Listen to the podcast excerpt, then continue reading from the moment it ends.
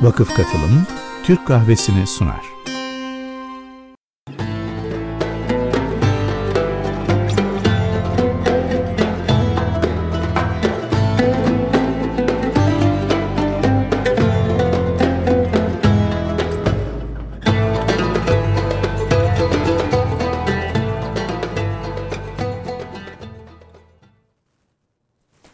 Merhabalar efendim. Türk Kahvesi'nde bugün 8 e, Mart vesilesiyle de hem kadın gündemini hem e, bilim gündemini hem bilim dünyasındaki kadınları konuşmak üzere çok kıymetli bir konum var.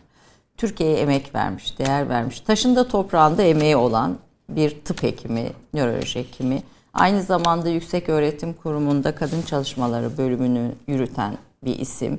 48 yıllık meslek yaşamı, Türkiye'nin farklı bölgelerindeki hizmetleri, 8 yıl yürüttüğü üniversite rektörlüğüyle aslında ülkeyi başka bir pencereden ve kadınları tanıyan e, bir isim, emek vermiş bir isim. Profesör Doktor e, Sezer Komsoğlu. Hoş geldiniz efendim. Sezer e, Şener Komsoğlu evet. ama ben böyle kısaltarak söylüyorum.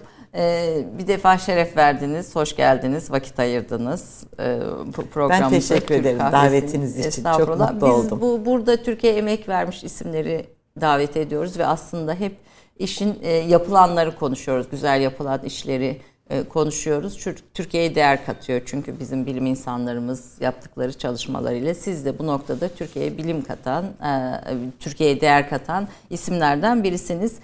Oxford Üniversitesi'nce 2015'te yayınlanan Bilim Kadınları kitabında Türkiye'den seçilmiş 3 bilim kadınından da birisiniz.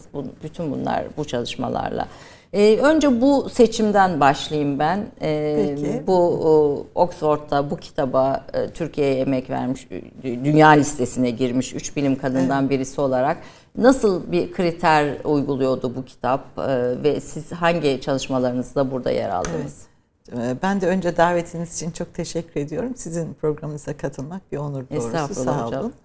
Ee, Oxford şöyle, e, aslında o kitabın basılacağından e, veya işte bizimle görüşmelerinden bizim çok haberimiz olmadı. Onlar araştırmaları yaparak bunu seçmişler. E, orada çalışan bir hocanın herhalde çalışmasıydı. İşte dünyayı incelemiş. E, ben de o sıralarda rektörlük yapıyordum ve bizim biliyorsunuz 99 depreminden sonra Kocaeli Üniversitesi neredeyse tüm olanaklarını yitirmişti. Neredeyse değil öyleydi. Kötü yıllardı, zor yıllardı. Daha önce ben önce eşim de çok e, emek vermişti oraya arkadaşlarıyla birlikte, çalışma arkadaşlarıyla. Yani bir grupla çalışıyorsunuz tabii ki herkesin büyük emeği var. Ben de e, şimdi siz sorunca belki e, böyle not etmiştim geçenlerde. Onu gördüm. 3 yıl 7 ay hiç Kocaeli'den ayrılmamışım. Yani deprem var. Sanki orası bizim sorumluluğumuzda işte üniversite kalmış. Buna böyle hiç her gününü buna harcamak lazım diye düşünmüştüm. Büyük bir emek oldu ve 5 yıl gibi kısa bir sürede e, koca bir üniversite tamamlandı. Tabii yani sadece benim dönemim değil, daha önceden başlayan bir dönemde. E, bir çok büyük bir ekiple çalışıldı o zaman belediye başkanları, valiler. Kocaeli o ekip açısından çok şanslıydı o yıllarda. Ben de çok emek verdim. Gece ve bir gündüz ne yaptım? Projelere emek verdim. Yurt dışından e, mali fonlar bulunmasına emek verdim. O fonların düzgün harcanması için emek verdim. Ee, ve e, bir üniversite yeniden ayağa kalktı da e, payım olduğunu düşünüyorum. E, bu arada hiç bilimsel çalışmalar aksamadı, hem kendiminkiler aksamadı, hem üniversiteninkiler aksamadı, eğitim aksamadı. Böyle bir model olunca oraya işte duvarları yıkan kadınlar örneğinden böyle bir giriş oldu diye düşünüyorum. Ee, şimdi tabii böyle hocam gayet mütevazi anlatıyor bu dönem ama öyle değil. O İzmit deprem evet. döneminde üniversiteyi yeniden canlandırıyorsunuz. Tek tek öğrencileri garlarda otobüs e, garların tren ve e, otobüste Şöyleydi, karşılayıp aşıla... alan yani aileleri güven aşılayan yani çocukları evet, doğru, göndermekten doğru. vazgeçmeyin burası güvenli duygusunu aşılayan hani bir şeyiniz misyonunuz Şu, da var. Evet evet aynen öyle. E, o yıllarda aileler çok artçılar olunca çocuklarını mesela getirdiklerinde bir, bir küçük artçılar oluyor bırakmak istemiyorlar. Biz de eğitime ara vermek istemiyorduk. Böyle küçük bir örnek anlatayım size. E, sanıyorum adı Hüseyin'di babası getirmişti ben onu aldım işte bizim eve yerleştirdim olmadı işte başka bir yere yerleştirdik böyle falan. Sonra e, kabul etti babası. Bana dedi ki bu 17 yıldan sonra benim bu oğlum oldu. Yani öldürürüm seni buna bir şey olursa falan diye. Ben de böyle gözüm gibi ona bakıyorum ama o arada Hüseyin kayboldu. Nereye gitti bu oğlan, nerede kalıyor falan diye böyle her gün peşini takip ediyordum. Sonra Milliyet Gazetesi'nde bir yazı gördüm. Bir böyle çocuklar neşeli falan üniversite öğrencileri. Hemen çağırttırdım bunu. Dedi ki orada üç öğün yemek var. Milli Savunma'nın kampları var. Bizi de oraya aldılar. Yemek var, içmek var. Ondan sonra hatta böyle neşeli partiler var. Ben orada kalmaya karar verdim dedi. Sonra Hüseyin kadın doğumcu oldu.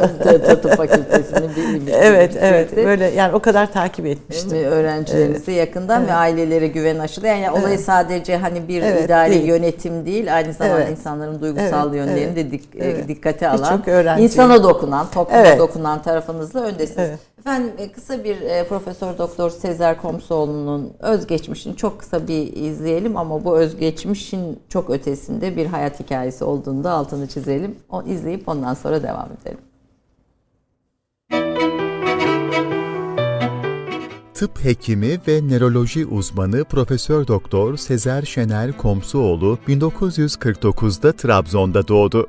Eğitimini Atatürk, Ankara ve Hacettepe üniversitelerinde tamamladı. İngiltere'de Birmingham ve Aston Üniversitesi'nde nörofizyoloji konusunda 3,5 yıl çalışmalarda bulundu. Karadeniz Teknik Üniversitesi Tıp Fakültesi'nin ve daha sonra Kocaeli Üniversitesi'nin kuruluşlarında yer aldı. 2006-2014 yılları arasında Kocaeli Üniversitesi rektörlüğü yaptı. Nörolojik bilimler alanında ulusal ve uluslararası düzeyde 250'nin üzerinde bilimsel yayını vardır. Türkiye'deki ilk EEG atlasının yazarı olan Komsuoğlu'nun nöroloji alanında 6 adet kitabı bulunuyor.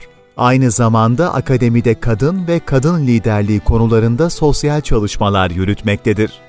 2015'te Yüksek Öğretim Kurumu Akademik Kadın Çalışmaları ve Sorunları Birimi kurucu başkanı olan Komsuoğlu bu görevine devam etmektedir. Avrupa Üniversiteler Birliği'nin Araştırma ve İnovasyon Komitesi'nin seçilmiş 19 üyesinden biridir. Türk Yüksek Öğretimi ve Brüksel arasında koordinasyonu sağlamaktadır ve projeler koordine etmektedir. Oxford Üniversitesi'nce 2015'te yayınlanan Woman Scientist kitabında Türkiye'den seçilen 3 bilim kadınından biri olarak yer alan Profesör Doktor Sezer Komsuoğlu, Profesör Doktor Baki Komsuoğlu'nun eşi, Profesör Doktor Ayşegül Çıtıpıtıoğlu ve Profesör Doktor Feride İpek Çelikyurt'un annesidir. Sadece siz değil aile de bu profesör Öyle yani. oluyor. Akademi işte evde neyi görürse çocuklar ona doğru gidiyorlar. Yani ana baba mesleği diye. Akademik bir evdi bizim evde. Okudun, yazdın, çalıştın. Öyle ben 14 sene 2 artı 1 Yahya Kaptan'daki TOKİ evlerinde oturdum. Çünkü sadece çalışmaktı işimiz. Yani hayatımızda başka çok fazla bir şey olmadı akademiden ve çalışmadan başta. Çalışma. Kızlar da etkilendiler. Doğal olarak ikisi de son derece başarılı. Bir tanesi de benim arkadaşım. Efendim buradan onu söylemiş olayım. Ee, şimdi yani e, kendi sahanızda nöroloji alanında 6 e, adet kitabınız bulunuyor. Pek çok öğrenci yetiştirmişsiniz evet. ve e, bir sahada uzmansınız ama tüm bunların ötesinde Trabzon'dan başlayarak Erzurum Tıp Fakültesi. Evet, Hepsi, Atatürk Üniversitesi Üniversitesi. Tıp Sonra işte Kocaeli'nde rektörlük ve oradaki çalışmalar. Önce Trabzon, Trabzon sonra Kocaeli. Evet, evet. evet. Tüm bu süreç İngiltere, tüm bu yerlerde duraklarınızda, sizin hayatınızda dönüm noktası olan duraklarda elbette sizi etkileyen, değiştiren, size katkı sağlayan çok şey oldu. Trabzon'dan başlayarak. Trabzon e, benim memleketim. İngiltere'den döndüğümüz zaman e, babam orada kurulan tıp fakültesine görev almamızı istedi. Ee, yeni üniversitelere, açılan üniversitelere gitmek o zaman daha böyle e, gözdeydi yani insanlar tercih ediyordular. Biz de Baki ile Trabzon'a gittik. Yıl Ve kaç efendim? 84. 84. 84'te. 84'te gittik.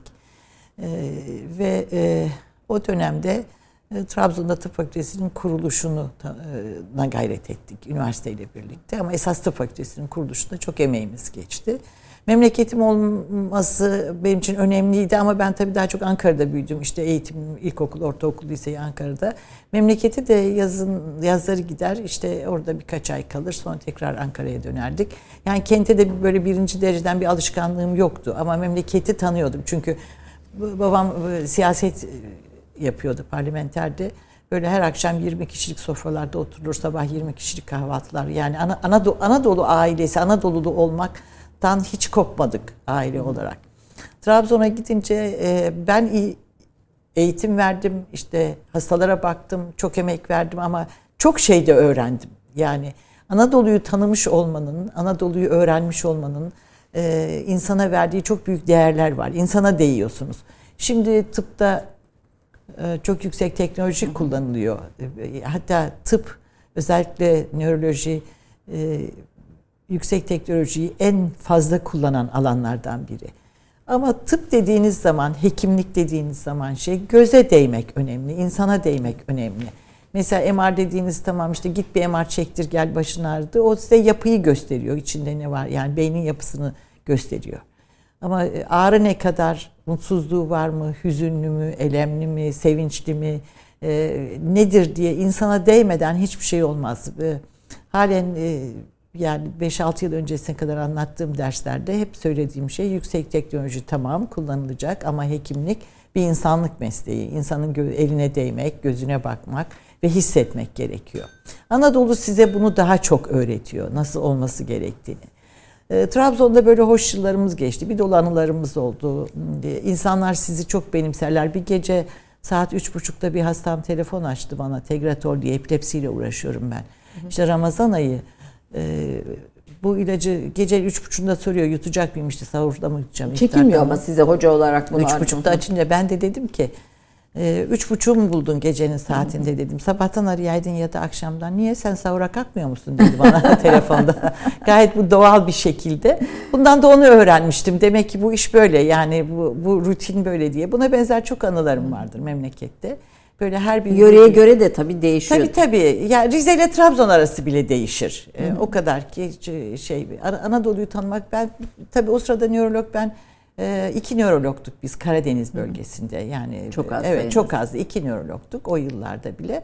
Ta Artvin'den e, işte Giresun'u Ordu'ya kadar birçok hastaları bakmışızdır. 14 yıl kaldım orada. 14 yıl onlar bize eğittiler. Ben hizmet verdim. Böyle geçti. E, karşı, karşılıklı bir eğitim süreci. İngiltere daha başka. E, yani Erzurum'u da konuşmak. Çünkü Erzurum'da bambaşka bir kültür. Yani Erzurum'da bir kadın olarak bir geçti, bilim kadını tabii yani ki. bir hekim olmak. O Erzurum'da e, internlükte esas halkla tem, temas Hı. kurduk. O, o sırada daha çok o, ilk başladığımız yılları Hacettepe'de okumuştuk. Daha öyleydi. Daha tam açılmamıştı temel bilimler yılları. E, orada da internlük yıllarında e, o zaman toplum sağlığında toplum sağlığının önemi e, şimdi ne kadar çok ortaya çıktı evet, Covid'le birlikte ana hedeflerden birisi. Biz de ilçelere gider kalırdık. Ben Hasankale'de yapmıştım toplum sağlığını. E, işte halk sağlığı stajımızı diyelim, intern stajıydı halkla bizzat temas. Orada da onu öğreniyorsunuz. İşte bebekleri nasıl bezleniyor, nasıl höllük yapılıyor, nasıl toprak o zaman işte Ta o zaman topraklanıyor altları Tabii tabii falan. tabii rutin rutin rutin. Ona işte doğum kontrolü nasıl yapılıyor veya nasıl yapılmaması gerekiyor. Yani e, doğuyu, e, batıyı e, hepsi sentezlendi ama en etkileyen nedir? Tabii ki bilimde batı ama Anadolu'yu bilmek Türkiye'de her meslek için gerekli. Şimdi hekimler mecbur hizmete gidiyorlar. Benim küçük kızım da hekim. Ağrı patnosu çekmişti zorunlu hizmette. Giderken endişelendi, huysuzluk etti. Ee, sınavı kazanıp gelmesi gerektiğinde de gelmeyeceğim diye tutturmuştu. o kadar yani, Tabii etkileniyor. İnsanlar çalıştıkları yere hizmet verdikçe onlar da Anadolu size zerafeti, nezaketi, e, insanı öğreten bir yer. Yani insanların gözü size direkt bakıyor. Siz hürmet ediyorsunuz ve hürmet görüyorsunuz. Onların sıkıntısını görüyorsunuz. Sonra o sıkıntıları benimsiyorsunuz. Onun için mecbur hizmetin Türkiye için çok değerli olduğunu düşünüyorum. E, bence de bu tecrübeler bir hekim evet. olarak da kıymetli. Burada e, bir de bir takım e, ne diyelim şey adetler var. Değiştirilemez adetler var. İşte mesela sizin epilepsi sahası alanında olduğu gibi. Evet. Yani işte epilepsiyi götürüp birini okutmak gibi aslında vaka öyle bir evet. nöroloğa götürmek gibi veya işte biraz önce o toplum sağlığı içinde anlattığınız şeyler gibi bütün bunlara karşı e, bir hekim olarak nasıl bir yol izlemeyi ben öneririz? Ben şöyle izlemiştim yani hasta baktığım yıllarda Karadeniz'de ve işte Erzurum'daki stajlarım daha çok Karadeniz'de bu hastalara baktım. Halen de o yolu izliyorum. Bir epilepsi ee, oranı var mı Türkiye'nin hocam? Yüksek Öyle oranda yani e, doğuda Bölgelere daha yüksekti. göre fark ediyor mu? E, doğumda e, zedelenmenin olduğu yerler daha çok doğu bölgeleri oluyordu. Hı hı. Şimdi tabii ki düşüşler var anneler babalar ama bu viral hastalıkların da ne getireceğini bilmiyoruz. bilmiyoruz. Onun için ben mesela e, okutmaya hocayla işte hoca okuduğumuz kadarda onlara hiç müdahale etmezdim. Hatta o hocalarla yazarak işbirliği kur, kurardım. Benim için önemli olan hastanın bizim verdiğimiz ilaçları muntazam bir şekilde kullanması. Onları muntazam olarak kullansınlar e, ama e, geri kalan da kendi kültürel kodlarını hiç oynamaya, kendi onların huzurlarını bozmaya gerek yok. Yeter ki zarar verecek bir şey yapmasın. Bilmediğimiz bir şey yutturmasın. Bilmediğimiz işte ot, börtü, böcek neyse yani o tip şey yapmasın. Onun dışındakiler e, onların kültürel kodlarıdır. Beni hiç rahatsız etmezdi. Ben sadece bizim ilaçlarımızı muntazam kullansınlar diye düşünürdüm. Halen de öyle düşünüyorum. Ama bu arada bölgedeki hocalarla bağlantı kurmanız onlarla Evet yazı yazarak, mektup yazarak kullanırdım. Ee, hatta bir hoca bir gün bir hasta gelmişti bana böyle bir e, yan etki gösteriyordu. Hı ee, Onu da anlatayım mı bilmiyorum. yani bir 11 yaşında bir kız çocuğuydu. Ee, geldiği yan etkiyi ben görünce ilacın fazlalığından anlamıştım. Hı. Sonra e, aileye dedim ki siz buna kaç kere yutturdunuz bu ilacı? Sen işte e, her e, ezanı babası imamdı çocuğun. Her ezanı nasıl dikkatli saatinde okuyorsun? Bu çocuğa da bu ilacı dikkatli saatinde vereceksin demiştim. O da her ezanda vermiş. Halbuki sabah akşamı kastetmiştim ben. Benim eksik anlatımımdan dolayı çocuk yan etki üzerine gelmişti. Hiç onu da unutmam. Ee, yani doğru şeyi doğru zamanda bilgiyi vereceksiniz insanlara o, diye. Kültürü, o da bir deneyimdi. O da, evet, o, o, evet. da, o da bir tecrübe. Ben yani o işte caminin imamı ezana muntazam bir saatte okuyor. Bizim ilaçları da muntazam bir saatte kullansın. Hani iki saat epilepside bu çok etkin bir şey, çok önemli bir şey ilaç kullanma.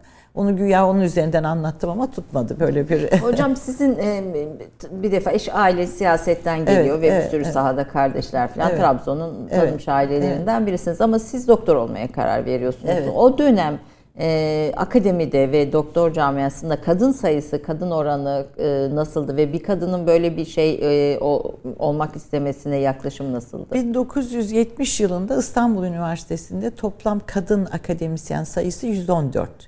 Şimdi Türkiye'ye baktığımızda sadece profesörlerin oranı yüzde 32. Yani çok büyük bir yükseliş var. Ama bu bütün dünyada da böyle. Ee, bir resim vardır böyle hoş bir resim İsviçre'de çekilmiş 1968'de böyle bir sıralama. Hepsi erkek ayakkabısı bir tane kadın var akademide. Aralarında. Evet. Ee, bizde de ben sınıftaki dört kızdan biriydim. Hı hı. Yani kızlar çok yoğunlukta değildi. Ama şimdi tıbbiyede kızlar daha da fazla. Akademide Türkiye kendine iftihar etmeli diye düşünüyorum. Yani e, akademiye girişte bütün sıkıntılara rağmen e, babalar, anneler, aileler Türkiye'nin neresinde olursa olsun kızlarının iyi yerlere gelmesiyle iftihar ederler. Bu, evet. bu böyle yani, yani en, en muhafazakar, en tutucu yerde Tabii bile. ki her yerde. Yani yeter ki kızlar iyi bir yere gelsinler. Bu bunu e, eğer şiar edinirsek bu alanda daha çok mesafe alabiliriz diye düşünüyorum başka yerlerde ama Türk akademisine baktığınızda e, profesör oranı yüzde 32, 170 bin civarında akademisyen var. 171 e, bin hatta tümü Türk akademisinde. Bunların yüzde 45'i kadınlardan oluşuyor. Yani Hayır, neredeyse yakın. erkeklere ile aynı orana gelmek durumunda. Avrupa'nın en yüksek oranlarından biri bu. Profesörlerde yüzde 32'yiz. Avrupa kentlerinin tüm üniversitelerine baktığımızda orada da öndeyiz. Aslında Ayşe Hanım şunu mutlaka söylemek isterim. Ya hep böyle en çok söylemek istediğim cümle bu. Türk akademisinde o kadar güçlü kadınlar var ki kendi alanlarında o kadar öne çıkmış kadınlar var ki yeter ki Türkiye onların değerini bilsin. Onları e, visible mı diyelim yani görünür hale görünür hale getirsin. E, bu e, çok çok çalışkan akademikte kadınlar var. Yani ben bizim nörolojide çok fazlaydı. Ben 9 biz kendimiz Ankara Tıp'ta yetişirken ben Ankara Tıp ihtisaslıyım. 9 tane kızdık. Her birimiz başarıdan başarıya koştuk. Hepimiz. Ee, bunun ülke bunun değerini bilmesi gerekiyor. Evet. Bakın Avrupa Birliği'nde hadi siz Brüksel'den söz ettiniz. Orada e, iyice ne bunu gözlemledim. Ne zaman bir alanda bir aday arasalar female diye yazıyorlar oraya. Bu gösterilen adaylardan en az birkaç tanesi kadın mutlaka olmalı. kadın olsun diyerekten. Yani bu sıkıntı sadece bizde değil. Ee, şimdi e, resimleri de vardı keşke getirseydim. Mesela Oxford'dan açtık. Oxford 765 yıllık bir üniversite. 765 yıllık bir üniversite. Bu üniversitede 2016'da ilk defa bir kadın rektör atandı. E, bu dünyanın bu her geleneği bu, bu geleneği yani bu bir gelenek. Bu sadece Türkiye'de değil, dünyanın her tarafında böyle. Sonra Ayşe Hanım diye bir hanım var. Mimarlık Fakültesi mezunudur. Princeton'ı ben böyle karıştırırken tesadüfen görmüştüm. Princeton Üniversitesi'nde 1970 yılında ilk defa mimarlıktan doktora alan kadın. Gene Orta Doğu Teknik Üniversitesi'nden mezun bir hanım. Bu iş bu kadar kolay değil yani. Ama şimdi Avrupa Birliği bunu fark ettiği için bir aday ararken herhangi bir yere bunun içinde kadınlar da olsun diye yazı gönderiyor.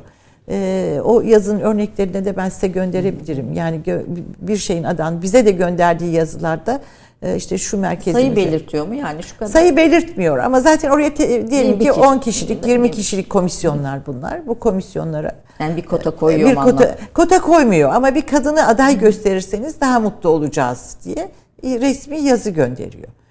Ee, dolayısıyla bu önemli bir şey diye düşünüyorum. Bunu yaptıkça e, bu McKinsey diye bir ekonomik kuruluş var siz daha iyi bilirsiniz. O kuruluşun bir araştırması var. 2025'e kadar eğer kadınlar da ekonomiye katkı verirler ise bunun e, e, yüzde 26 oranında dünya ekonomisinin gelişeceği düşünülüyor. Yani kadınları yetiştirip okutup tekrar geri göndermemeliyiz. Yetiştirip okutup A, B, C safhalarında onlara yer verdirmeliyiz. Ama tabii ki e, hem bürokraside hem akademide pozisyonlar yükselirse, kadınlar daha görünür olursa bu görünürlüğün hem ülkenin kalkınmasına hem ülkenin ekonomisine e, büyük etkisi olacaktır diye düşünüyorum. Peki bir reklam arası verelim. Reklam arasından sonra hem sizin hikayenizi hem gene kadınların hikayesini birlikte konuşalım. Efendim kısa bir reklam arasından sonra buradayız.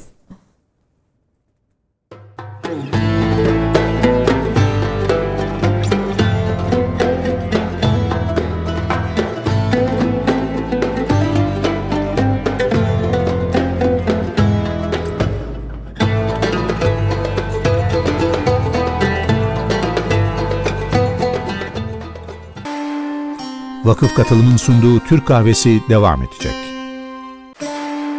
Vakıf Katılım'ın sunduğu Türk Kahvesi devam ediyor. Türk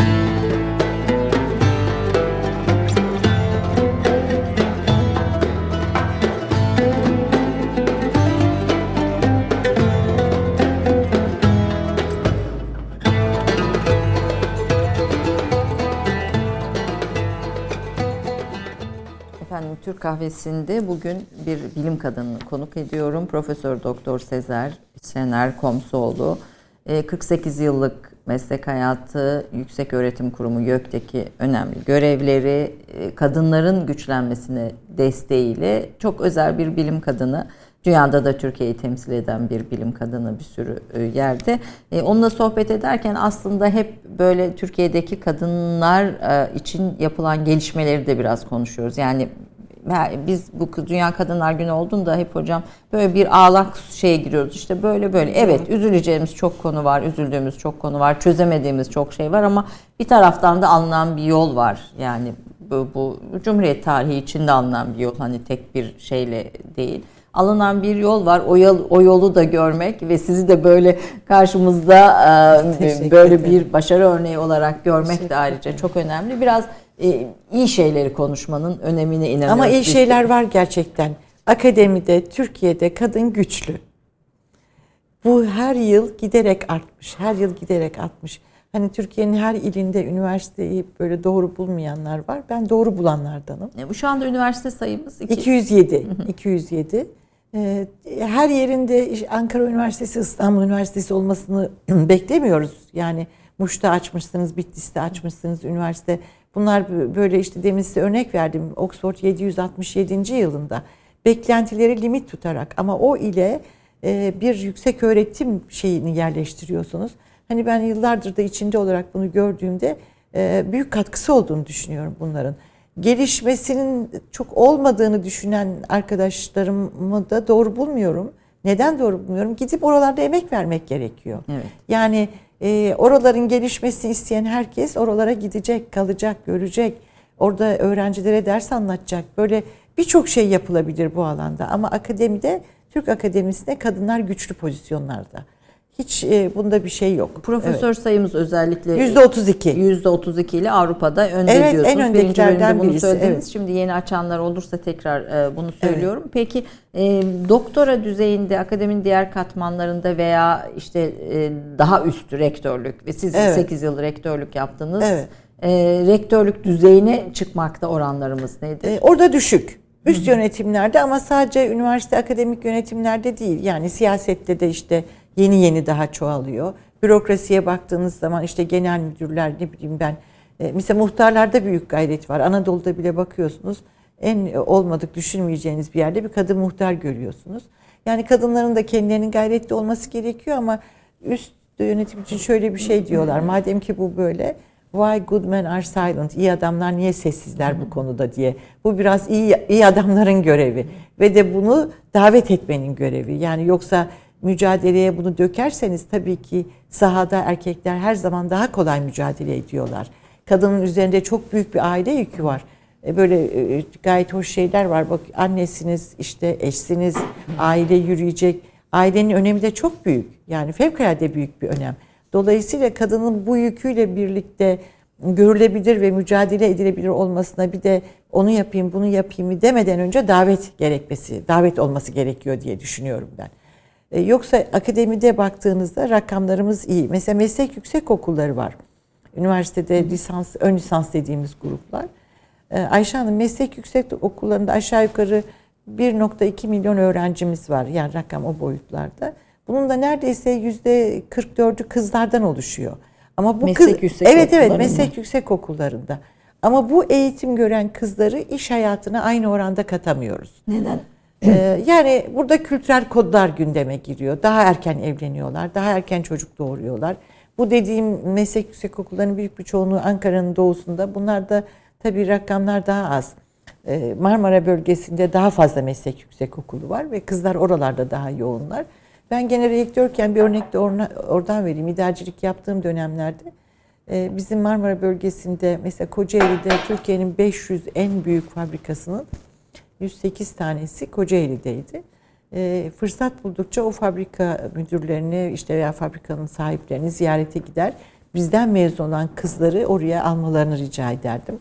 E, veya işte çok alan olursa 10 taneden fazla öğrencimiz alan olursa üniversitemizin ona bir teşekkür plaketini götürürdüm. Gayret etmek gerekiyor. Evet. Yani mesleki eğitimde yetiştirdiğimiz kızlar bizim beklediğimiz ölçüde çalışma hayatına giremiyorlar.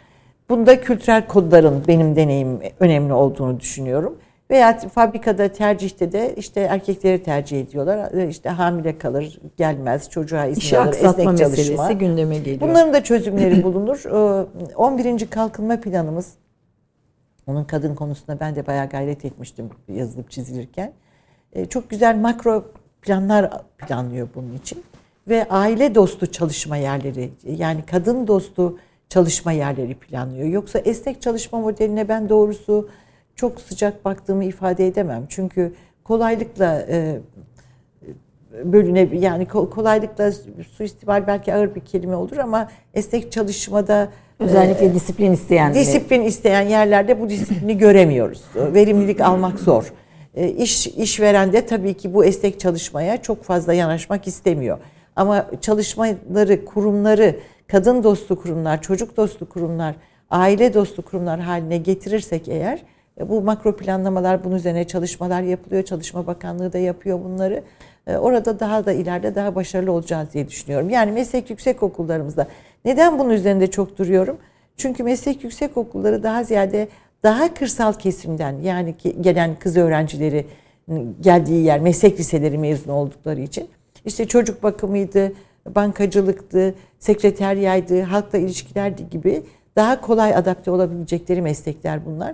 Bu konu hem bizim akademinin hem de Çalışma Bakanlığımızın e, öncelikleri. Evet, öncelikleri arasında. 11. Kalkınma Planlarında kalkınma kodları diye makro planlar diye adı var. İnşallah gerçekleşir. Ee, Anadolu'yu çok önemsiyorsunuz evet, ve bunun altını evet. çok çiziyorsunuz. Şimdi tabii Türkiye'nin eğitimli kesimi, akademi çevresi de evet. doğal olarak bir biraz Anadolu'dan uzak ister istemez. Yani akademiyle meşgul evet. olmak bir sahada derinleşmek de aslında toplumdan evet. kısmen evet. biraz uzaklaşmayı evet, beraberinde evet. getiriyor. Evet. İşin evet. doğası evet. bu. Başka türlü derinleşemez. E, bunu Anadolu'yu neden önemsediğinizin özellikle e, Türkiye'nin gelişmesi, kalkınması noktasında e, altını bir sizden dinlemek istiyorum. Yani altını şöyle bir şey. Istiyorum. E, şimdi bakın düşünün. E, aşıyı bulanlar e, Pfizer'in nereden gittiler? Anadolu'dan gittiler. E, Almanya'ya başka bir hayata katıldılar ve akademide ne kadar başarılı oldular. Anadolu'ya şu kadarcık değerseniz şu kadarcık verim alıyorsunuz. Yani küçücük bir değmeyle çünkü onlar bu verime özlem duyanlar. Hmm. Türkiye'nin bağrından çıkan e, işte kadınlar üzerinden gidersek kızlar, kadınlar, erkekler her neyse yani Anadolu insanı. Anadolu insanındaki e, kültürel kodlar önemli, duruluk önemli, çalışkanlık önemli. Bin yıllık Anadolu. Evet. Yani bu çalışmadan olacak bir şey mi? Bizim de devlet olarak yani ben akademide e, bu işte demin de söyledim mecbur hizmeti önemsediğimi e, her alandaki mecburi hizmetin Anadolu'ya gönülden gelmesi lazım. Yani ins, insana değmek gerekiyor. Buna değmezseniz nasıl kalkınacaksınız? Sadece Marmara'yı kalkındırmakla bu iş olmuyor. Onun için oradaki üniversitelerimiz var. Beni dinleyen eğer genç akademisyen adaylarımız varsa e, onlardan dileyim Anadolu, Anadolu'daki üniversitelerde yer almaları ve orayı kalkındırmaya çalışmalarıdır. Şimdi Yüksek Öğretim Kurumu'nun başlattığı 102 bin diye bir doktora projesi var. E, Yekta Saraç Bey döneminin e, kendi, bizzat kendisinin projesidir bu. 102 bin projesinde ülkenin 100 öncelikli alanında 2000 ee, kişiye bir burs verme kararı vardı ama proje çok canlı gitti. Şimdi 5000 öğrencisi var ve bu e, bu alanlarda neler var? İşte bütün e, IT dediğimiz bilişim dünyasının e, nanoteknolojileri var. Ondan sonra biyokimyanın en üst düzeyde. Bunların hiçbirisi klasik doktora değil. Hepsi geleceğin meslekleri. İşte yapay zekadır, cloud dedilen o bulut çalışmalarıdır, göç çalışmalarıdır. Buna benzer bir dolu çalışmalar var, başlıklar. Bu alanlarda doktora yapan öğrencilerin yüzde 62'si kız öğrenciler. Şimdi ne demek? Türkiye bir 5 yıl içerisinde hani doktoranın en fazla 5 yıl sürdüğünü düşünelim. 5000 tane yeni Değil alanlarda doktora sahibi ama işte bu bilim kadınlarını Türkiye'nin yetiştirdiği bu burs veriyorlar. Bu burs karşılıksız bir burs. Bu bursun bu verilen bu yetişen kızların değerini Türkiye Cumhuriyeti devletinin bilmesi gerekiyor. Onun yanı sıra bu 102 bin bursların dışında 90 bin öğrencimiz var doktora yapan ve yüksek lisans yapan. Yüksek lisans, yani 300, 365 bin yüksek lisans, 99 bin de doktora öğrencimiz var. Buralardaki oran da kızlarda yüzde 46. Yani özel, bir daha özet yaparsam netleşsin. Doktora da öğrenim görenlerin yüzde 46'sı kız öğrenciler. Ve bunları biz 5 yıl sonra 5 yıl sonra önümüzde bunlar olacak. Türkiye bu alanda bu son 5-6 yılda çok büyük ivme kazandı. Ama bu yetiştirdiklerimizin de Türkiye Cumhuriyeti Devleti e, bunlara iş aratmayacak. Evet. Bunları davet edecek. Yani şu veya bu şekilde davet edecek. Ben bu kesimin Türkiye'de kadınlar açısından böyle hop kocaman bir ivme yapacağını düşünüyorum. Ve önemli. Bugün mesela bilim kadınlarının çok yani haberlerde falan evet. elbette tanıyoruz ama yine de çok altını çizmiyor yani haberler veya dünyamız. Tabii ki. Ee, yani bugün bilimsel buluş yapan dünyada tanınan bilim insanları dolu. Düşün. Dolu. Yani e, ne bileyim Hacettepe Üniversitesi'nde, Ankara Üniversitesi'nde, Orta Doğu Teknik Üniversitesi'nde hatta Anadolu'da Atatürk Üniversitesi'nde bir farmakolojik araştırma merkezi var, büyük bir araştırma merkezleri var. Bir gidip görseniz şakır şakır insanlar neler çalışıyorlar. Ardahan'da aşı çalışmaları yapılıyor. Erciyes'te aşı çalışmaları yapılıyor. Yani bunların her biri Türkiye için bir medar iftihar konusu. Ee, ama devletin de e, bunları görmesi gerekiyor. Çünkü gör, görünmeye e, gör, görünmek için ya bir e, işte sosyal medya denilen şeyleri çok sık kullanacaksınız veyahut da e, ne bileyim yani siz siz çaba göstermeyeceksiniz. Batı ile bizim farkımız e, daha e, devlet bu, bu yetiştirdiklerinin e, sahibi oluyor. Bunlar tabii ile akademide görev alacak diye bir şey yok. Yani Türkiye'nin bütün özel sektörde tabii de var ki sanayide, sürü. endüstride bütün bu yetiştirdiklerimiz oralarda da görev alabilecekler. Yeter ki değerleri bilinsin. Ee, Birmingham'da e, da bulundunuz. Evet, evet, 3 yıl evet, kaldınız. Evet, evet. Aslında Batı ile farkı da kıyaslarken yani Batı üniversiteleriyle bizim üniversitelerimiz Batı sabırlı veya... ve tematik çalışıyor. Hı. Tematik çalışıyor ve sabırlı. Ee, bu ben orada çalıştığım yıllarda MR yeni bulunmuştu. Ee, 1971 yılında başlamıştı çalışmalar. Ee, Sir Peter Mansfield diye bir fizikçi esas MR'ın bulanıydı. Bir hekim arkadaşıyla, anatomist olan bir hekim arkadaşıyla. Ben MR'ın Sheffield'da ilk bulunduğu konferansı dinledim 79'da. Yani ilk bir vakaları dinledim. Halen şeydir. O zaman böyle geç gidiyorum şeyler cep telefonları falan yoktu. Olsaydı çekerdik. Ee, çok heyecan vericiydi böyle bu kadar konfüzyon nasıl anlaşılacak falan diye korkmuştum. Sonra 2003 yılında ilk kez Nobel Tıp Ödülü tıpçı olmayan bir fizikçiye verildi. Peter Mansfield'a verildi. Ee, bunu neyle elde ettiler? Sabırla. Ee, buluşları genelde İngilizler yapar ama sonra işte e, Amerika'da vesaire fabrikalarda Patent, patentler evet. alınır. İngilizler neden yapar? İngiltere'de benim en çok kazandığım e, e, edinimim neydi? E, tematik bir alan ve sabırla bir konuda çalışmak. Oradan oraya, oradan oraya, oradan oraya hızlı atlamamak. Yani bizde biraz vardır bu. Çünkü çabuk yer etmek isteriz kendimize. Çabuk yer etmeye gerek yok. Sizin çalışmalarınız eğer öne çıkarsa mutlaka o yer sizi bulur. Şöyle veya böyle. Bugün mesela önemli bilim kadınlarımızdan isim olarak bize söyleyecekleriniz var mı? Çok var Avrupa'dakileri söyleyeyim. Mesela Gülsün Gülsün Sağlamer İstanbul Teknik Üniversitesi'ne rektörlük yaptı. Halen Avrupa'daki bütün komisyonlarda kendisini görebilirsiniz. Düzce'nin rektörü aynı benim seçildiğim gibi Nigar Hanım Avrupa'daki nomination komisyonu dediğimiz yani aday komisyon değerlendirmesinde bir komisyona seçildi. Lale Tokgözoğlu Avrupa Kardiyo Hacettepe'nin kardiyoloji hocasıdır. Avrupa Kardiyoloji'nin başkanı oldu Avrupa'da. E, şimdi de Ateroskleroz Derneği'nin başkanı. Böyle birçok isim sayabilirim size. Yani e, bu değerlerin Türkiye'de de mutlaka bilinmesi gerekiyor. Ve altının çizimi daha evet, görünür görünür evet, hale evet, get, getirmek evet, gerekiyor. Evet. Peki kadınları güçlendirmek için e, Anadolu tecrübenizi de tabii bunun evet. içine katarak yani hem üniversite tecrübenizi hem Anadolu tecrübenizi de işin içine katarak ne yapılması gerektiğini düşünürsünüz? Makro planlar düşünürüm. Kadınların hayatını kolaylaştırma. E, demin de saydım. Yani düzgün bir aile yürütemeyen kadın. İş eğer aileniz başarılı değilse, ailenizde kopukluklar olursa, aklınız kalırsa evde çocuklarınızda siz de akademik hayatta veya herhangi bir hayatta çok başarılı olamazsınız. Onun için aileyi güçlü tutmak gerekiyor. Bu, bu önemli bir şey ama bunun için de devletin rahatlaması gerekiyor. Yani düşünün bir asistan e, bebeği doğmuş bakacak yani zaten aldığı maaş kendisinin 5-6 bin lira bir e, dışarıdan bir çalışan yardımcı bulsa ona o maaşı ona vermesi gerekir. Dolayısıyla bunlar zor şeyler. Yani mali açıdan evi desteklemek zor. Akademinin yetişme dönemlerinde veya ilk memuriyet dönemlerinde. Hani eskiden anneanne babaanne falan bakıyordu. Gene keşke onlar bakabilse. Büyük aile her zaman önemli. Ama şimdi anneanneler de çalışıyor. Yani evet. öyle bir şey de var.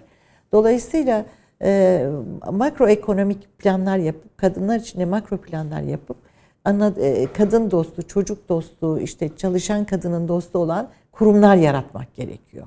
Bir de kadınların kendileri eğer hayatlarını, zamanlarını iyi disiplinize ederler ise, yani şöyle söyleyeyim, bu, bu, bu söz sözümü beğenmeyenler oluyor ama ben e, yani hayatı bunun üzerine kurdum.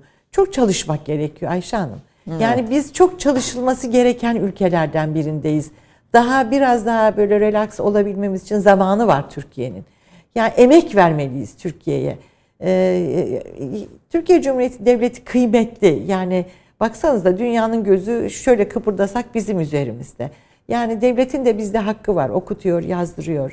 Ee, çok çalışmak gerekiyor. Zamanı disiplinli harcamak gerekiyor. Eğer zamanınızı disiplinize ederseniz yani gevşek tutmazsanız e, iyi bir yere gelmek için çalışmak gerekiyor. Evet. Çalışmak önemli bir şey. Ama bu bilim dünyasında da birçok şeyde olduğu gibi tabii bir erkek engeli de var. Hani hafif bir sataşma da yapalım beyefendilere. E dedim ya size why good men are evet, o iyi adamlar. iyi, evet. iyi adamlar yok. iyi adamlar. iyi adamlar yolu onlar açacaklar. Ee, özellikle tıp dünyasında da bilim çevrelerinde bu çok söylenir. Bazı mesela nörolojide aslında bunlardan birisi çok fazla evet. kadın e, nörolog evet. yok Çocuk, yani.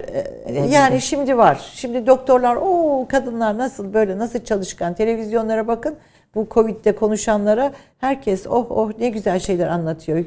Yani e, Türkiye'deki bilim kadınları bence dünya ile mukayese edildiğinde çok iyi bir yerdeler de e, bu iyi yerde olmanın söylenmesi e, huzurlu mu kılınmıyor neyse. Yani kadınları Türkiye Cumhuriyeti Devleti görsün e, çalışkan kadınlar çok çalışkan kadınlarımız var.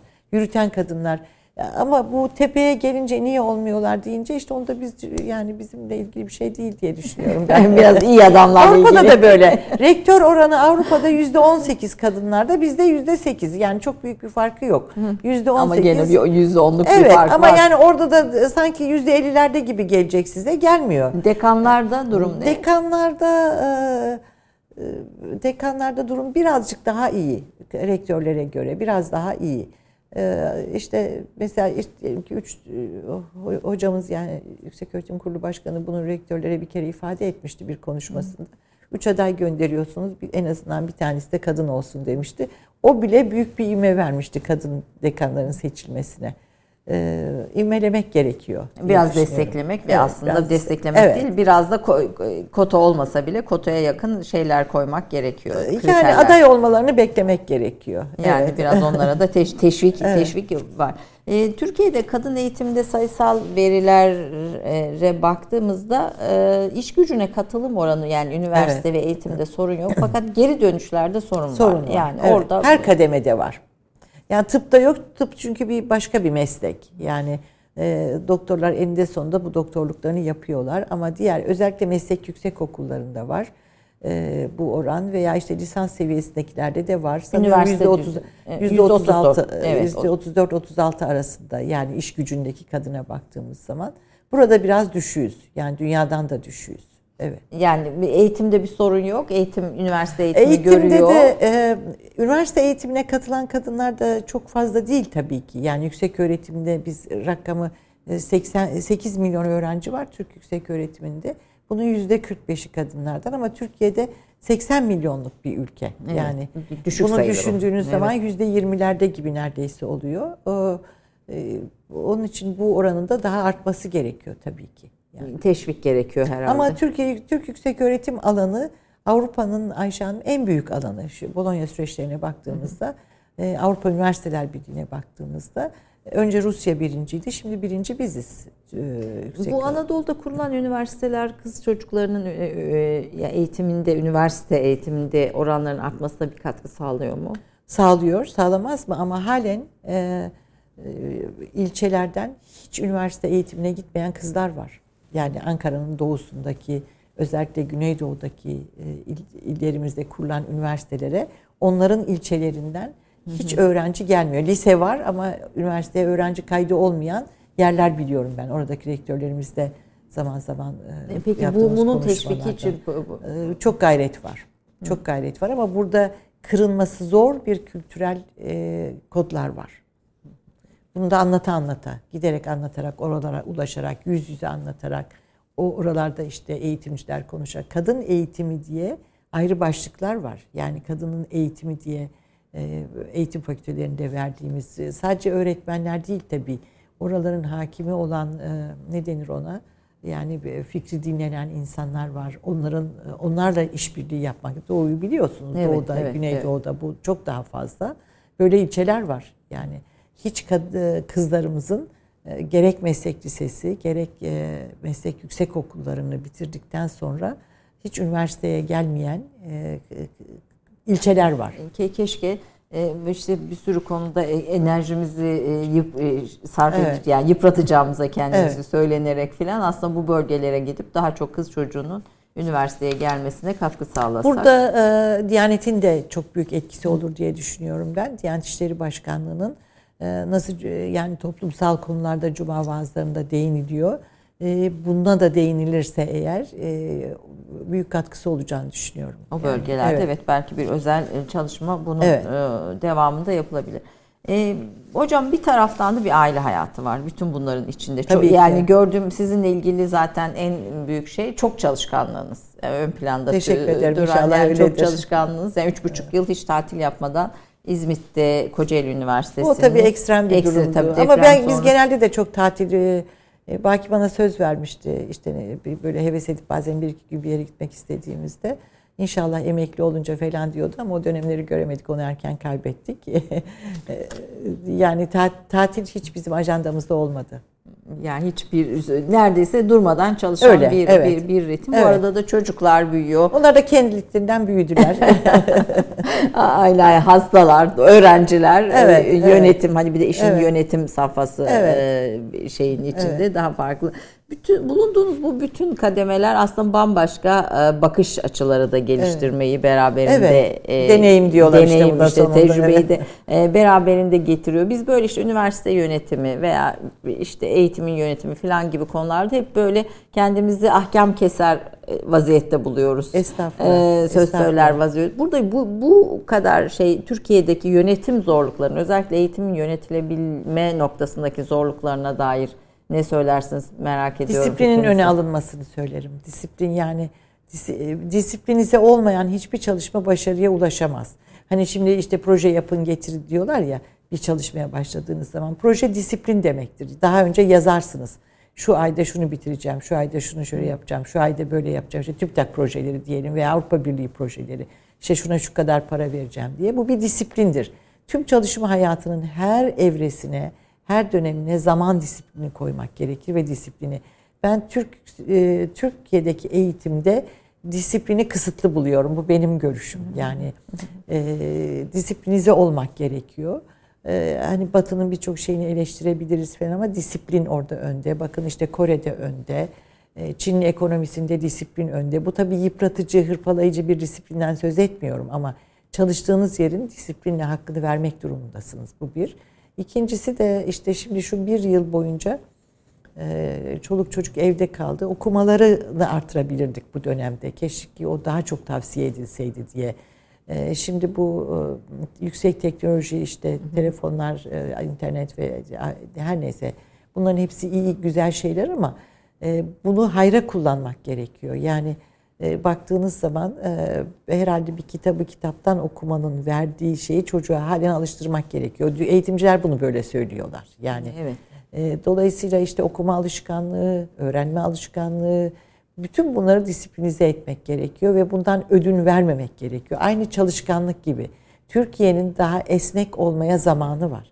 Yani bu kadar bilgili, bu kadar görgülü bir ülke e, ne kadar doğru bunu söylemek bilmiyorum ama işte e, Çin'den Sinovac aşısını beklememeliydik.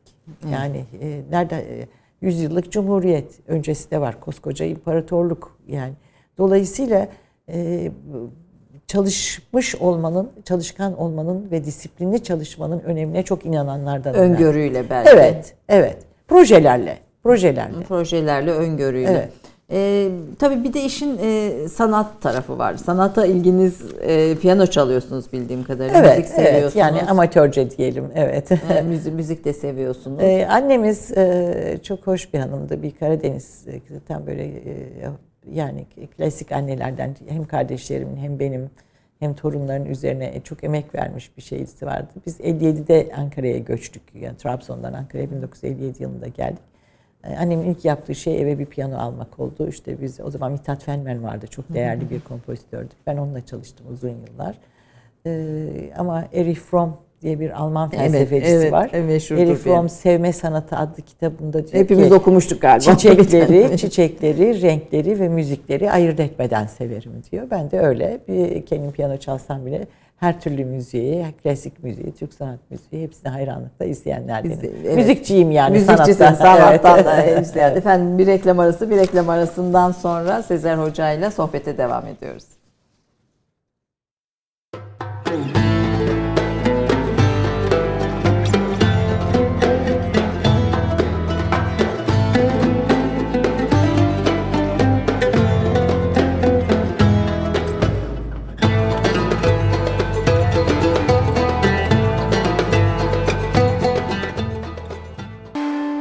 Vakıf Katılım'ın sunduğu Türk Kahvesi devam edecek.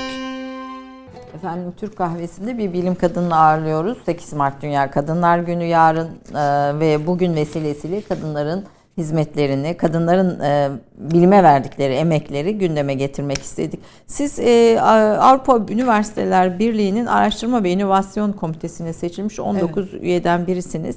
E, Türk yüksek öğretimi ve Brüksel arasında koordinasyonu sağlayan evet. sağlıyorsunuz. Şimdi buradaki fark ne? Yani Avrupa Üniversiteler Birliği'nin üniversitelerin önüne koyduğu hedefler var mı?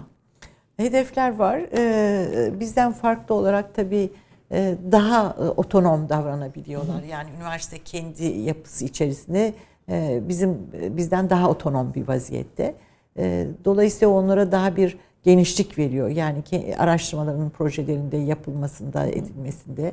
Bu, bu önemli bir fark. Otonom yapı önemli bir fark olduğunu düşünüyorum.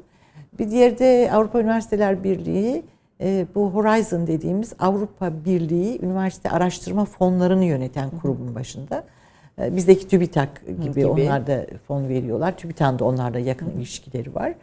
Ee, buradaki en büyük sıkıntı e, fonlamalarda yani buraya Türkiye dünyanın parasını yatırıyor.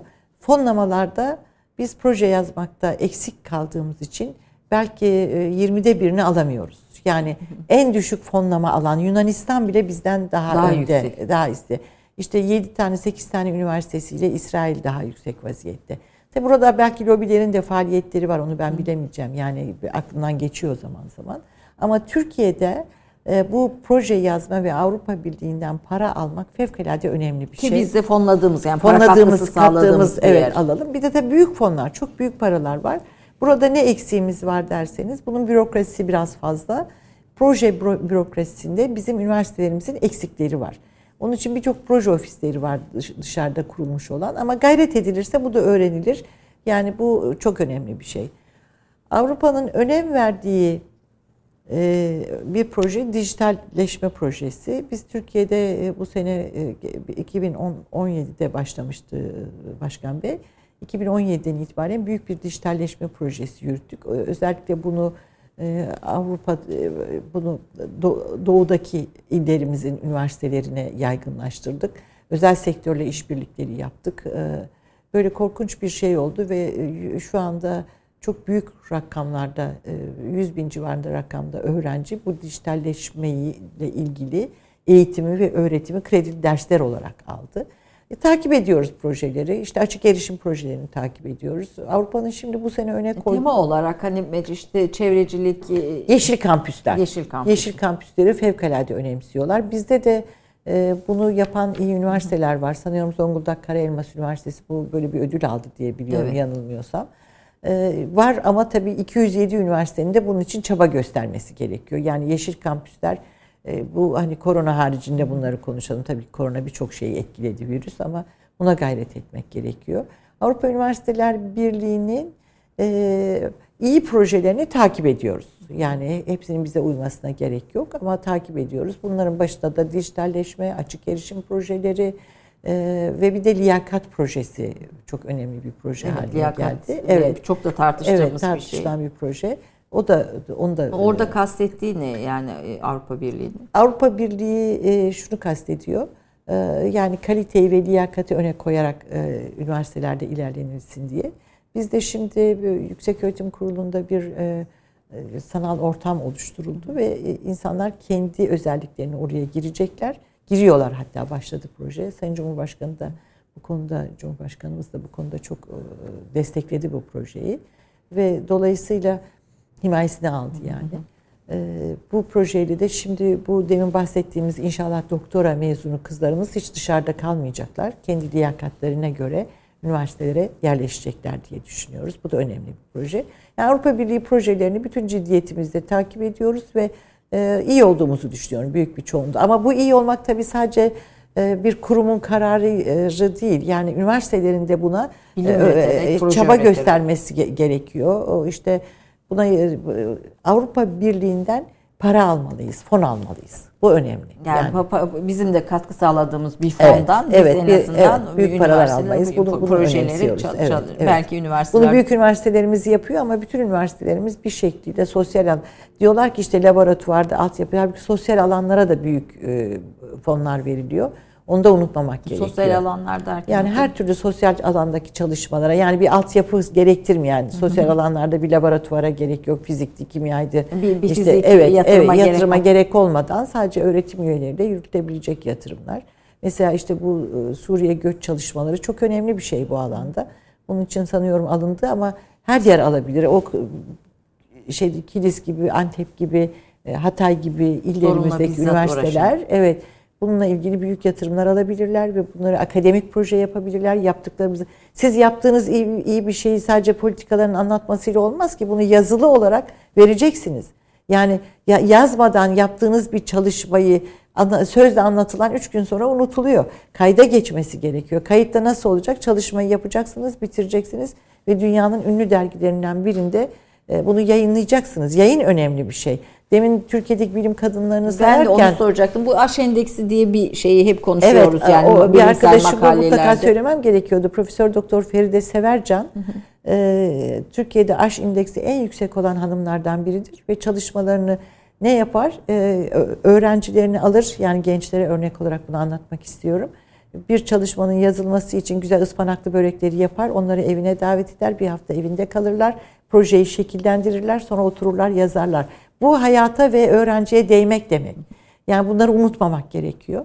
Ee, yani Geç, mesafe koyarak, hele şimdi pandemiyle bu mesafeler daha da arttı gerçi de yani. Ee, ama pandemi inşallah gelip geçici. Hı hı. Yani bir yıl içerisinde bunun inşallah virüsten kurtulabiliriz diye söylüyor bu işte uğraşan bilim insanları.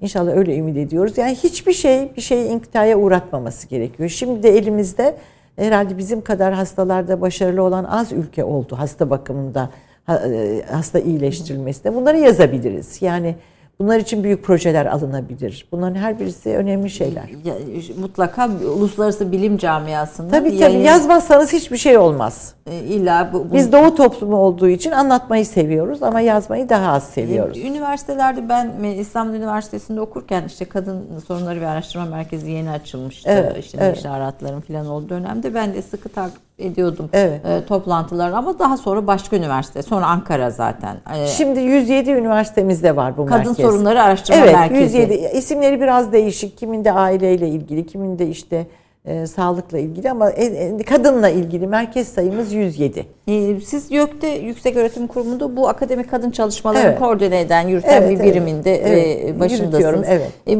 bu, burada senkronizasyon oluyor mu? Buradaki çalışmalar ne durumda? Mesela kadınla ilgili çalışmalarda Tabii başlıklarımız oluyor. neler? Bunların en önemli kısmı her biri bulundukları bölgenin sivil toplum örgütleriyle ve bulundukları bölgedeki kadın yapı çalışmaları yapısıyla işbirliğine giriyorlar. Dolayısıyla bölgeyi iyi tanıyorlar.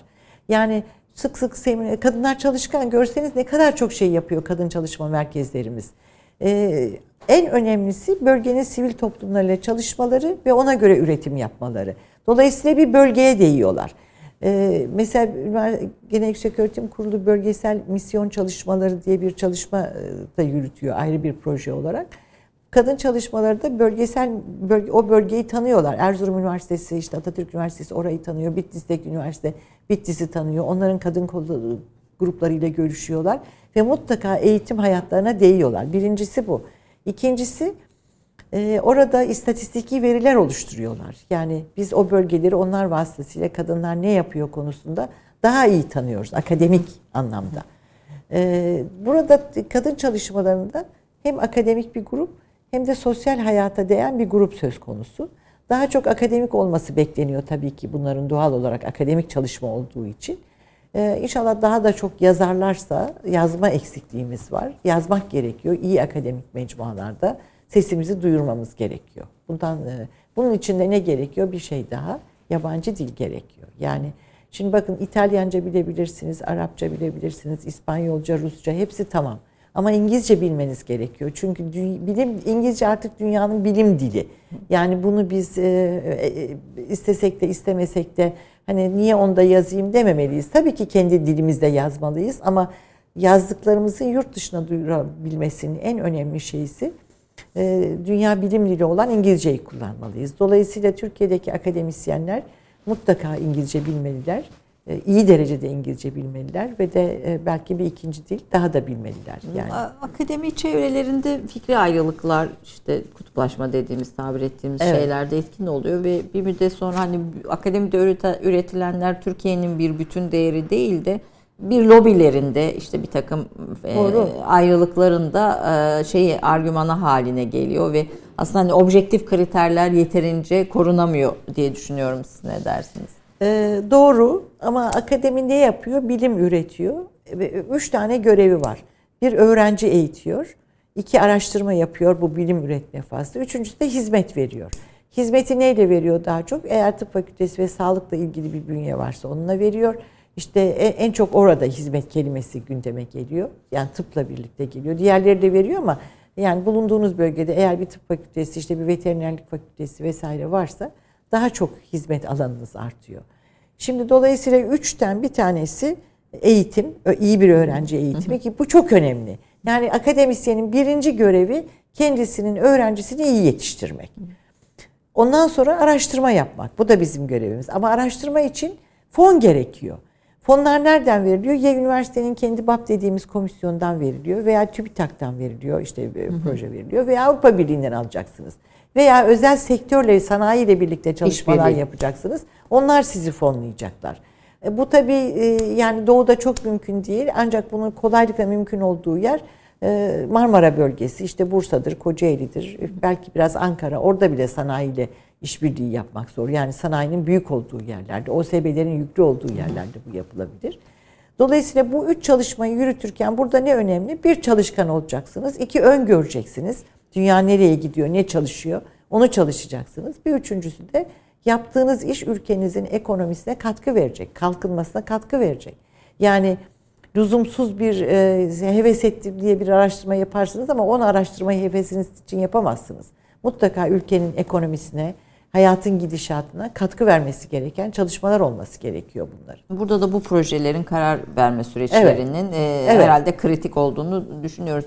E, farklı değerlere sahip insanlar ülkenin genel eğittiğiniz kitle de öyle. Yani öğrenci tabii dediğiniz ki, şey olarak, de öyle. Öğretim üyesi dediğimiz de öyle sonuçta bu ülkenin tabii içinden ki. çıkan. Yöneticisi de öyle.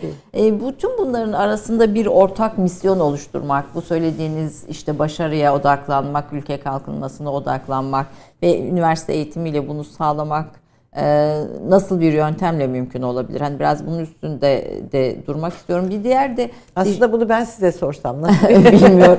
Dijitalleşmeyle birlikte evet, ve nesil, çok şey değişti. Nesillerin 5 yılda bir nesil değişiminin 5 yılda bir indiği söyleniyor. Öğrenci profili de değişti yani öğrenci. Çok şey değişti. E, bu, evet. bu değişimlere ilişkin gözlemleriniz Öğrenci profilini ben e, tabii 6-7 senedir öğrenciden daha uzaktayım. Yani rektörlük döneminde e, 8 yılda çok gözlüyordum bunu. Hı ders devamında azalma var. Çünkü internette bilgiye burada şöyle bir şey. E, Hocam hekimlik yapıyor musunuz halen? E, yapıyorum evet. Çok hasta görüyorum. hasta görmekten hiç vazgeçmiyorum. Öyle mi hala görüyorsunuz? Yani işte bulunduğum her yerde, evde, işte, telefonda e, sürekli bir hasta evet, hasta görüyorum. Evet, ondan da memnunum. İşim o çünkü. Yani e, eminim evet. yetiştirdiğiniz çok şey önem talebeler vardır kendisi. Onlarla iletişimle idare ediyorum. Yani başını ben görüp sonra onlara gönderiyorum. Hmm. Artık talebelerimin çocukları e, doktor oldular. Yani o o, evet. o 70 devam, yaşındayım ben. Hiç göstermiyorsunuz gerçekten hiç Talebe, Yani yetişen öğrencilerin, doçentlerin, profesörlerin çocukları şimdi o okulu bitirdiler ve neredeyse torunlara telefon açıyorum Hayır, diyebilirim. Sizin sahanızda da çok şey değişti. Yani işte bir MR'dan söz ediyorsunuz. Ama hani... bizde değişmeyen en önemli şey hastaya değmek. Hmm. Yani bir tanı koyabilirsiniz e, ama e, hastayla e, iletişim bambaşka bir şey. Olmadığı zaman başarılı olamazsınız. Yani o önemli bir şey. Bu internet üzerinden bir şey söyleyecektim.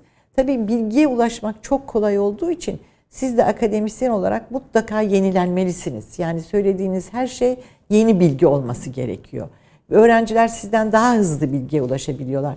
Sınıfta bir konuyu anlatırken bunu dinliyorum. Ben şahit olmadım ama arkadaşlarımın söylediği yani daha genç öğretim üyelerinin sınıfta siz bir konuyu anlatırken o internetten sizden daha yenisini buluyor eğer siz çalışmamışsanız. Dolayısıyla öğrenci karşısına geçmek de artık zor.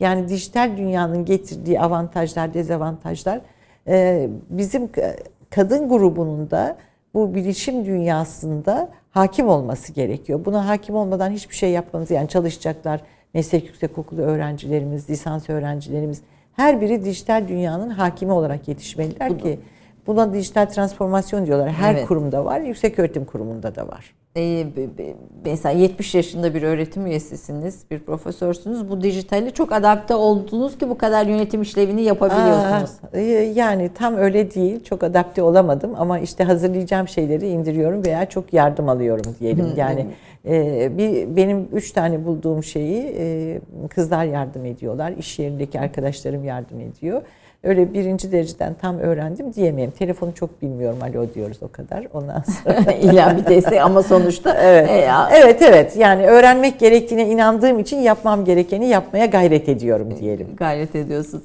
Ee, şimdi bir tarafıyla tabii nöroloji evet, çok evet. önemli ve insan yani insan üstüne biyolojik tabii. gelişmeler bunun üstünden de çok devam evet. ediyor ve evet. oyunlar bile bu dijital games denilen çocuk oyunları bile tamamen beyindeki faaliyetlerle yürüyor. E, hatta insan beynin dışarıdan e, dışarı çıkartma, dışarıdan yön bir sürü şey. Evet. Yani insanı değiştirmeye yönelik bütün bu çalışmalar, biyolojik, biyogenetik evet. e, çalışmalar dahil olmak üzere hep bu, e, bu şey, ürkütücü şey, yanları ürkütücü da var. yanları çok beyin üstüne çalışmanız. Sizin bir nörolog olarak bu çalışmalara olan ilginiz, merakınız, yorumunuz ne? Yani gelecekte biz nasıl insanlar olacağız biyoteknik olarak bu konuda ilgi duyuyor musunuz biraz? Yok, duymuyorum. neden? yani neden? Şöyle, bu tabii bambaşka bir saha. Yani benim çok algılayacak olduğum bir saha değil ama e, yeni literatüre baktığım zaman özellikle dijital dünyanın çok kullanıldığını görüyorum beyin çalışmalarında da. E, bu doğru bir şey e, ama klinikle ilgili değil tabii bu. Bu tamamen biyoteknoloji dediğimiz, biyomühendislik dediğimiz şey üzerinden gidiyor. E, bunların olmasını destekliyoruz, okulların açılmasını, doktoraların açılmasını ama yani benim e, yaş grubunun bunun tekrar içine girip bunu ilerleyebilmesi için çok ayrı bir çalışma gerekiyor. Yani e, ben böyle bir grupta çalışmıyorum ama Yüksek Öğretim Kurulu şimdi üç tane çok büyük nörobilim merkezini birleştirdi ve bir araştırma merkezi kurdu. Türkiye'de ilk kez oldu bu. Ankara, ODTÜ ve Gazi Üniversitelerinin yanılmıyorsam İnşallah yanlış söylememişimdir. Bunların nörobilim merkezleri birleşti ve çok ciddi bir e, çalışma grubu oluşturuldu. İşte bu gruplarda bunlar Türkiye'de yani yeni bir insan ortaya evet, koymak. Evet yeni bir grup, yeni bir grup, yeni beyin çalışmaları yeni yapmak beyin istiyor. çalışmaları. Evet. Hayır yani dünyanın geleceğinde de yeni bir insan türü ort yani yeni bir makinalaşmış bir insan ortaya koymak üstüne. E, yapay zeka da bunu getiriyor. İşte e, bu kadınlar yapay zekada ne olacaktır diye bir dolu hani şimdiki durumda bile bu kadar az çalıştırıyorlar bizi bir de bu yapay zeka çıkarsa halimiz ne olur diye birçok paperlar çıkıyor. Dolayısıyla bunu da çalışmak bizim kendimizin e, genç Kadın, bu, bu konunun kadınları ilgilendiren tarafı da var diyorsunuz. Var var ama işte şeyde bu yüzde 62 dedim ya geleceğin meslekleri diye 102 bin doktora burslarında. Evet. Buradaki konulara baktığınızda her biri bu anlattığınız tipte konular. E, tarımda da böyle işte makineleşme, yapay zeka. E, bunların her birinde kız öğrenciler erkek öğrencilerden daha önde gidiyorlar. Gelecekte bir kadın yüzyılı evet, e, evet. düşü vardır hep. Evet evet. E, evet ben de inanıyorum de öyle bir şey olacağına. Evet çünkü daha pratikler e, doğrusu erkeklerden daha disiplinli çalışıyorlar. Çünkü o hayat akışı onlara onu gerektiriyor. Yani çocuğu planlıyor, eşini planlıyor, evi planlıyor, yemeği planlıyor, akademiyi planlıyor. Kadınlar erkeklere göre daha planlı bir toplum benim gözümde. Daha planlı bir kesim. Onun için başarılarının yüksek olacağına inanıyorum. Ee, siz çalışırken çalışma hayatının içinde ve bunca görevin içinde evet. en büyük desteği kimden gördünüz? En büyük engeli de nerede gördünüz? Hiç engel görmedim. Ee, yani ben e, şöyle ailelerin bu anlatıldıkça kızlarının önem kazanmasının çok onları mutlu ettiğini görüyorum hep. Diploma törenlerinde görürdüm ben bunu. Mesela bir erkek çocuğun diploma törenine bir kişi iki kişi gelmişse bir kızın tıp fakültesindeki diploma törenine bir sülale gelirdi. Yani bu çok hoş bir şey. Aileler bunun değerini çok iyi biliyorlar yetiştiği zaman. Ee, kültürel kodların dışında konuşuyorum. Tabii doğuda bunun işte kızları okutmamak vesaire gibi bunların devam ettiği şeyler vardır muhakkak. Ee, ben hiç, hiç engel görmedim. Hep destek gördüm. Yani hem ailemden ama en büyük desteği büyük annemden gördüm. Çünkü çocuklarımın bakımını üstlenmişti.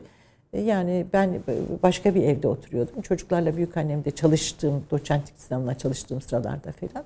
O da başka bir evde oturuyordu. Ee, yani minnettarım kendisine. Destek veren herkese. Erkeklerle evet. dolu bir ortamda çalışıyorsunuz. Evet, evet. Sizin e, akademide bulunduğunuz, yetiştiğiniz yılların evet. içinde. Ee, ve onlarla çalışırken böyle bir takım tavsiyeler de illaki ve kendi e, e, kadın asistanlarınıza falan da söylüyorsunuzdur. E, böyle şeyleriniz var mı? Çalışırken şuna dikkat edin falan gibi böyle bir takım tavsiyeleriniz önerileriniz? Yani hekimlikte e, zaten böyle bir ayrıcalık çok olmuyordu uzun yıllar çalıştığım zaman. Yani nöbet tutuyorsunuz. Bir asistan erkek, bir asistan kız işte biri acile gidiyor, biri kliniğe bakıyor. Doğrusu bu tip şikayetleri şimdilerde daha fazla alıyoruz. Yani e, böyle hoşumuza gitmeyecek şikayetleri aldığımız oluyor. Benim yetiştiğim zamanlarda bu tip şeylere biz çok rastlamazdık. Hayat daha rutin, daha bilim üzerinden gidiyordu. Şimdi sanki e, işte e, burada demin bir konuda Diyanet de bize yardımcı evet. olacaktır diye düşünmüştüm. Burada da medya yardımcı olacak. Televizyon dizilerine baktığınız zaman öğretiler yani dizide bir yerde bir toplumuma bir öğreti taşıması gerekiyor. üzülüyorum ben yani böyle şimdi o konu belki çok burası yeri değil ama yani medyanın bu alanda e, destekleyici çok fazla dizileri olması lazım. Geçenlerde e, Aile ve Çalışma Bakanımızın bir toplantısında e, Rütük Başkanı da evet, oradaydı. Evet. O da biz dizileri görmüyoruz dedi. Biz yani çekiliyorlar ondan sonra geliyorlar diye. tabii ki bu yetişmede medyanın çok büyük önemi, görsel medyanın çok büyük önemi olduğunu düşünüyorum. Yani Pozitif örnekleri, iyi örnekleri. Pozitif örnekler olmalı ama onları çok göremediğimizi düşünüyorum. Hep negatif, kötü örnekler üstünden. İşte yani. o kadar kötü konuşmasak bile iyi olmayan diyelim. İyi olmayan. E, hocam olmayan. gördüğünüz gibi gayet pozitif bakıyor evet, ve iyi hep olmayan, iyi, iyi evet. ve güzeli ön plana çıkartmaya evet. çaba evet. sarf ediyor. Evet. Ee, çok az süremiz kaldı ama ben şeyi merak ediyorum. Tabii biliyorsunuz bizde Türk geleneğidir evet. böyle bir doktor gördüm illa bir şikayet bir bir şey söyleriz yani böyle doğaldır evet. E, bu herhalde Batı halklarından farklıyız bu konuda. Valla onlar da öyleydi. Onlar da mı ha, öyle? Evet evet yani evet. Biz, biz Hekimlik öyle bir meslek. Yani evet. biraz on. Şimdi bu özellikle pandemiyle birlikte yalnızlaşma, yaşların yalnızlaşması, evet. Alzheimer Çocuklar. etkisi, bir takım işte evet. e, beyin faaliyetlerinin etkisi üzerine de çok şey konuşuluyor. Evet. İşte sizin bu konuda bir e, şeyiniz Çocukların olur çok etkilendiğini düşünüyorum. Hani bu derslerden geri kalmasın diye e, devlet büyük bir çaba sarf etti. E, ama bu çaba küçücük bir odaya çocuğu tıktı ve sabahtan başlıyor dersler işte gene aynı eski usulle devam etti ve onlar e, sahiden eğitim alıyormuş gibi oldular. E, orada çocukların çok zorlandığını gördüm. Yani kendi torunlarım da var o yaşlarda.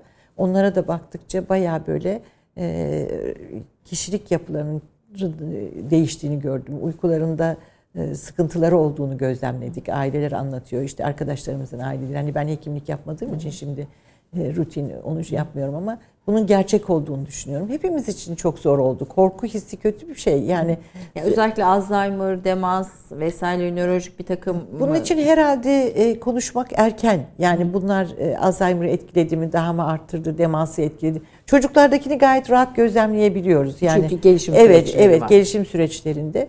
Ama hastalıklar açısından mesela diyorlar ki işte kalp krizlerini artırıyor, beyin kanamalarını artırıyor. Ama bunlarda veriler olması lazım. Herhalde önümüzdeki 2-3 yıl içerisinde böyle sağlıklı akademik verilere e, verileri göreceğiz. Yoksa yani Covid'in kendisinden başka e, ileride çıkacak yan etkilerin olacağı çok kesin. E, onu görüyoruz ama bunlar hakkında net bundan dolayıdır bu kadar etkisi olmuştur diye daha yayınlar yok orta yerde veya çok gelip geçici yayınlar var. Az vaka yayınları var. Herhalde kitlesel yayınların çıkması bir 2-3 yılı bulacaktır. Ama bu tip işte Alzheimer'ı etkiledi miye cevap verebilmek için herhalde bir 3-4 sene geçmesi gerekecek. Ee, düzgün bilimsel yayınlar gördüğümüzde ancak buna karar verebileceğiz. Ama benim bir hekim olarak hani 48 yıllık bir hekim olarak gördüğüm bu bir damar hastalığı. Sadece bir virüs hastalığı değil. Yani damarları tutuyor, e, işte endoteli tutuyor. E, bu nedenle mutlaka sıkıntılı süreçler yaşatacaktır diye düşünüyorum. Aynı zamanda bir beyin çalışımı, nörolojik e, Evet evet evet. Mesela kızamıkta e, SSP dediğimiz subaküsklerozen panensefalit diye çocuklarda çok yoğun epileptik nöbetlerle ve mental yıkımla gelen ağır bir hastalığımız vardı. E, ben Trabzon'da çok sık görüldüm. Yani ayda bir tane iki tane gördüğüm olurdu. Kızamık eradike edildikten sonra ortadan kalktıktan sonra bu hastalığı az görür olduk. Şimdilerde hemen hemen çok nadir görüyoruz. Çünkü kızamığın bir yan etkisiydi. Bakalım bunda da neler çıkacak. Yani kötü örnek e, kötü bir şey söylemek zor ama ben öyle birçok şeyin çıkacağını düşünüyorum. Bunun arkasında artçıları gibi artçıları olacak artçıları diye düşünüyorum. Olacak. Bunu göreceğiz zaman içerisinde. Yani. Peki. E, peki hocam programımızın sonuna e, geldik.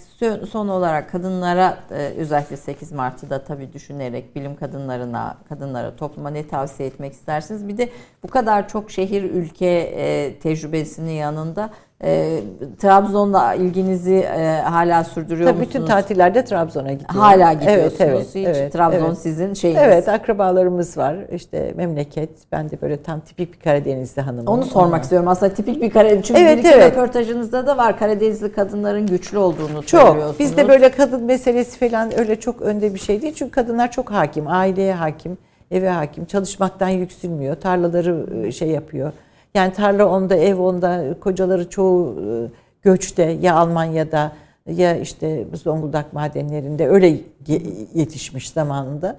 Şimdi de gene köylerde işte İstanbul'da inşaatta vesaire. Yani Karadeniz kadını güçlü, e, dik bir kadın. Ben de öyleyim, kendimi öyle hissederim. E, öyle yani çok fazla çok fazla her olayı beni Yıpratamaz. Yıpratmamasına özen gösteririm. Öyle oldu şimdiye kadar da. İnşallah bundan sonra da öyle devam eder.